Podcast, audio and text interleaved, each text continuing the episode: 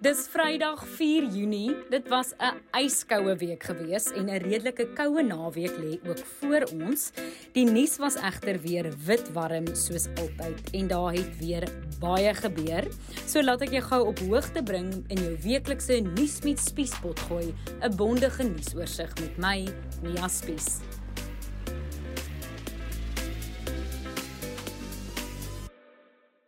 In die nuus die week het die president gesê die ekonomie toon tekens van herstel.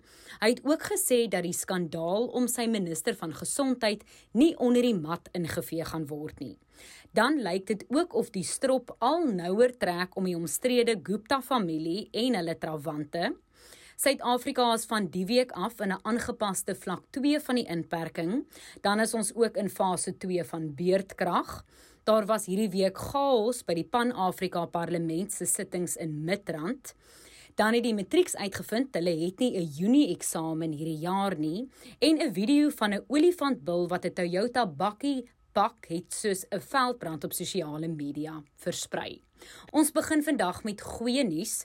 President Cyril Ramaphosa het in sy repliek op die presidentsie se begrotingsdebat gesê die ekonomie toon tekens van herstel. Hy het ook gesê die impak van COVID-19 gaan nog jare lank op die ekonomie gevoel word. What we can say is that we are now seeing some of the green shoots of recovery. We are now seeing signs that the focus of this administration has placed on economic reform, which began before the pandemic, that it is steadily but surely paying off. Dan is die president ook uitgevra oor die storm wat om sy minister van gesondheid Dr. Zweli Mkhize losgebars het oor die sogenaamde Digital Vibes tender skandaal. Dit gaan natuurlik oor daai omstrede kontrak van 150 miljoen rand wat Mkhize toegeken het aan die kommunikasiemaatskappy Digital Vibes wat bestuur word deur sy voormalige woordvoerder en sy voormalige persoonlike assistent. Daar word ook beweringe gemaak dat hierdie maatskappy vir sy seun 'n voertuig gekoop het. So Mkhize sal vanoggend voor die parlement se portefeulje komitee oor gesondheid verskyn. Die DA het strafregtelike aanklagte teen Mkhize aanhange gemaak en die openbare beskermer gaan ook 'n klag by die polisie indien. Ramaphosa het gesê hy het 'n gesprek met Mkhize gehad hieroor en Mkhize gee sy volle samewerking. Be rest assured that this matter is going to be handled in, uh, in a way that will give credence to our adherence to the principle of good governance, uh, ethical uh, leadership as well. So that is a must and it is going to happen. Die DA en ander organisasies eis dat Mkhize op sy moet staan totdat dit gebeur. Die vraag is of daar iemand is om vir hom in te staan. Ek het vir die politieke ontleder professor Dirk Kotse gevra. Daar is nie op hierdie stadium 'n van selfsprekende opvolger vir hom in hierdie posisie nie, selfs nie as 'n waarnemende minister nie. En dit sal natuurlik ook heel moontlik groter druk plaas op 'n kabinetskommeling deur president Ramaphosa. Uh, president Ramaphosa se besluit hieroor sal dus baie bepaal bepaal hoe geloofwaardig sy uitsprake teen korrupsie is en of hy bereid sal wees om selfs teen van sy eie ondersteuners te kan optree. Hierdie kan 'n waterskeidingsgeleentheid vir hom dus wees. Dan op 'n soortgelyke noot, vier mense, 'n hoë profiel sakeman wat 'n vennoot van die Gupta broers is en drie voormalige amptenare van die Vrystaatse Departement van Landbou is hierdie week deur die valke in hegtenis geneem en hulle het reeds in die Bloemfontein se Landdroshof verskyn in verband met die omstrede Estina suiwelprojek. Hulle het op aanklagte van bedrog en geldwasery in die hof verskyn.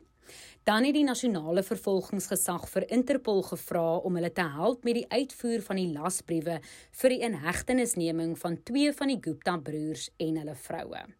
Nou na COVID-19 nuus wat almal al teen die tyd weet, die week het natuurlik begin met strenger inperkingsregulasies en dit is omdat groot dele van die land op die drempel van die derde vlaag van infeksie staan.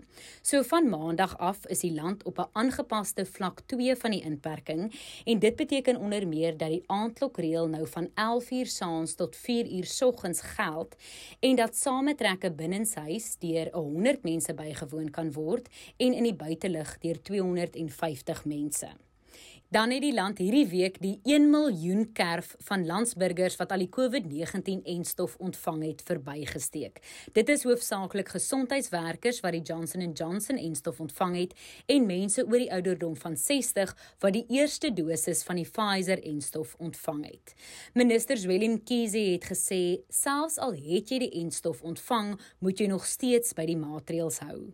Nou na Eskom nuus, Eskom het hierdie week fase 2 beurtkrag ingestel en die redes daarvoor is 'n tekort aan opwekkingsvermoë nadat verskeie eenhede by steenkool kragstasies onklaar geraak het, sowel as 'n toename in vraag weens die koue weer.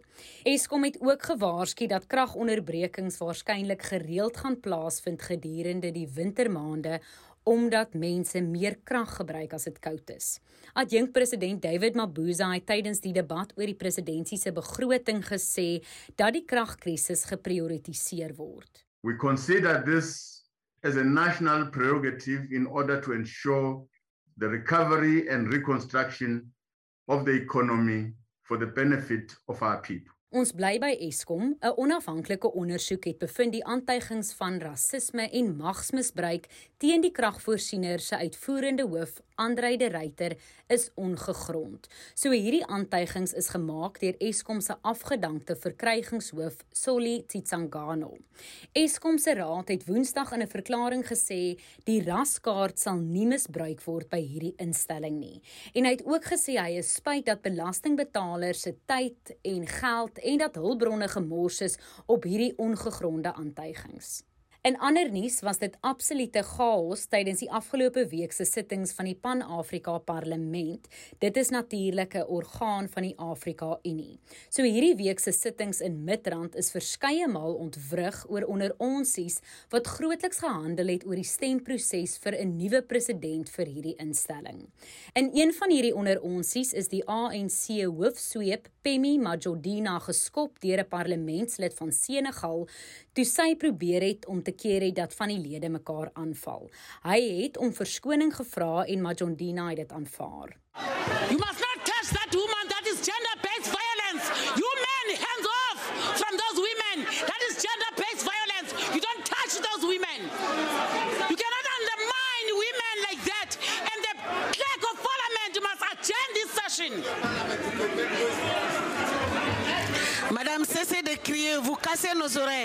Madam, please stop screaming. Nou na die Boland waar die DA onderburgemeester van die Stellenbosch munisipaliteit Dinsdag in hegtenis geneem is in verband met die moord op sy voorganger. Nyaniso Ndela, sy vrou en 'n ander verdagte het donderdag in die Landdroshof op die dorp verskyn in verband met die moord op Cameron Mkako. Mkako is in 2019 in sy taverne in Kayamandi geskiet. Hy is later in die hospitaal dood. Hulle is op borgtog vrygelaat en sal volgende week in die Hooggeregshof verskyn.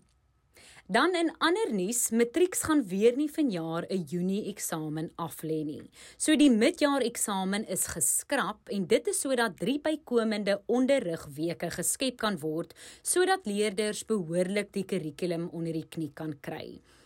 Dan in ander skole nuus, laerskole heropen weer ten volle vanaf die 3de kwartaal, wat beteken dat leerders nie meer gaan roteer nie. Dan sluit ons af met 'n video wat soos 'n veldbrand op sosiale media versprei en dit is van 'n motoris se noue ontkoming met 'n olifantbil hierdie week. Norman Nukeri van Bosveld Gas het Dinsdagmiddag gas vervoer in die Klasserie omgewing in Limpopo toe sy voertuig deur 'n olifantbil bestorm is. Norman het gelukkig ongedeerd van hierdie voorval afgekom, maar luister gou hoe dit klink as 'n olifantbil sy tande in jou bakkie se engine kap inslaan.